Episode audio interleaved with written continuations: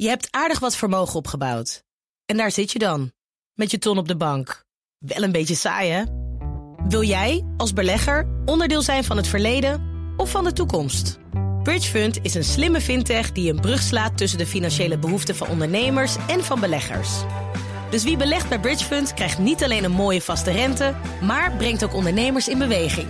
Echt waar, met die ton kan je zoveel betere dingen doen. Bridgefund. Make money smile.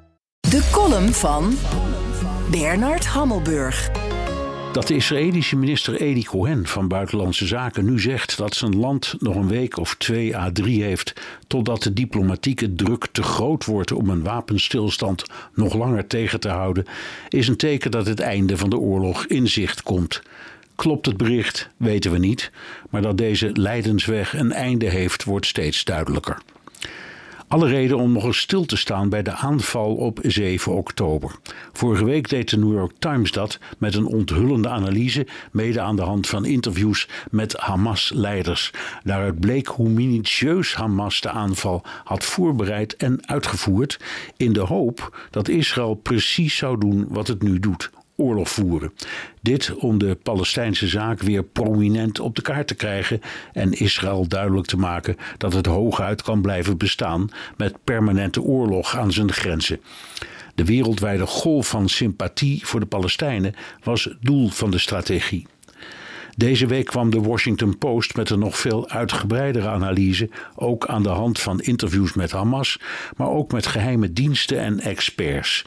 Zo zag de krant schokkend bewijsmateriaal, onder andere uit de zakken en tassen van mannen die bij de aanval om het leven waren gekomen. Vacuumbommen die 1500 graden heet worden en in huizen waren gegooid, gaspatronen, handboeien, vuurwapens, messen, proviand voor een aantal dagen, exacte instructies en perfecte kaarten. Details van wat ze aanrichten tarten elk voorstellingsvermogen. Sommige staan gedetailleerd in het artikel. Uit afschuw laat ik die hier weg. Hun doden noemen ze martelaars en dat geldt ook voor de vele slachtoffers in de oorlog in Gaza. De Israëlische militaire reactie was immers precies wat ze hoopten.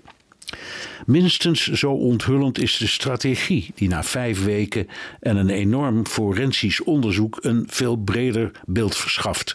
Ze trainden een jaar, braken in op Israëlische websites en hielden de details van hun plan geheim, ook voor Iran, de revolutionaire gardes en Hezbollah. Tegenover Israël gaven ze de indruk aan een langdurig bestand te willen werken, hielden zich afzijdig tijdens aanvallen van islamitische jihad op Israël en lokte Israël in de val toen het als gebaar van goede wil 20.000 Gazanen Israëlische werkvergunningen gaf. Het was hun paard van Troje. De bedoeling was ook om partijgenoten op de westelijke Jordaanoever te bewapenen en in de strijd te betrekken. Jordaanse agenten namen grote hoeveelheden gesmokkelde wapens in beslag, bestemd voor de Westbank, maar niemand weet hoeveel er tussendoor is geglipt. Het einde van de oorlog is in zicht. Reden te meer om het barbaarse begin en de doortrapte strategie niet te vergeten. Het gewetenloze monster schept er een satanisch genoegen in Israëliërs en Palestijnen op te offeren. En het monster heeft een naam: Hamas. Je hebt aardig wat vermogen opgebouwd. En daar zit je dan, met je ton op de bank. Wel een beetje saai, hè? Wil jij, als belegger, onderdeel zijn van het verleden of van de toekomst? Bridgefund is een slimme fintech die een brug slaat tussen de financiële behoeften van ondernemers en van beleggers. Dus wie belegt bij Bridgefund krijgt niet alleen een mooie vaste rente, maar brengt ook ondernemers in beweging. Echt waar, met die ton kan je zoveel betere dingen doen. Bridgefund. Make money smile.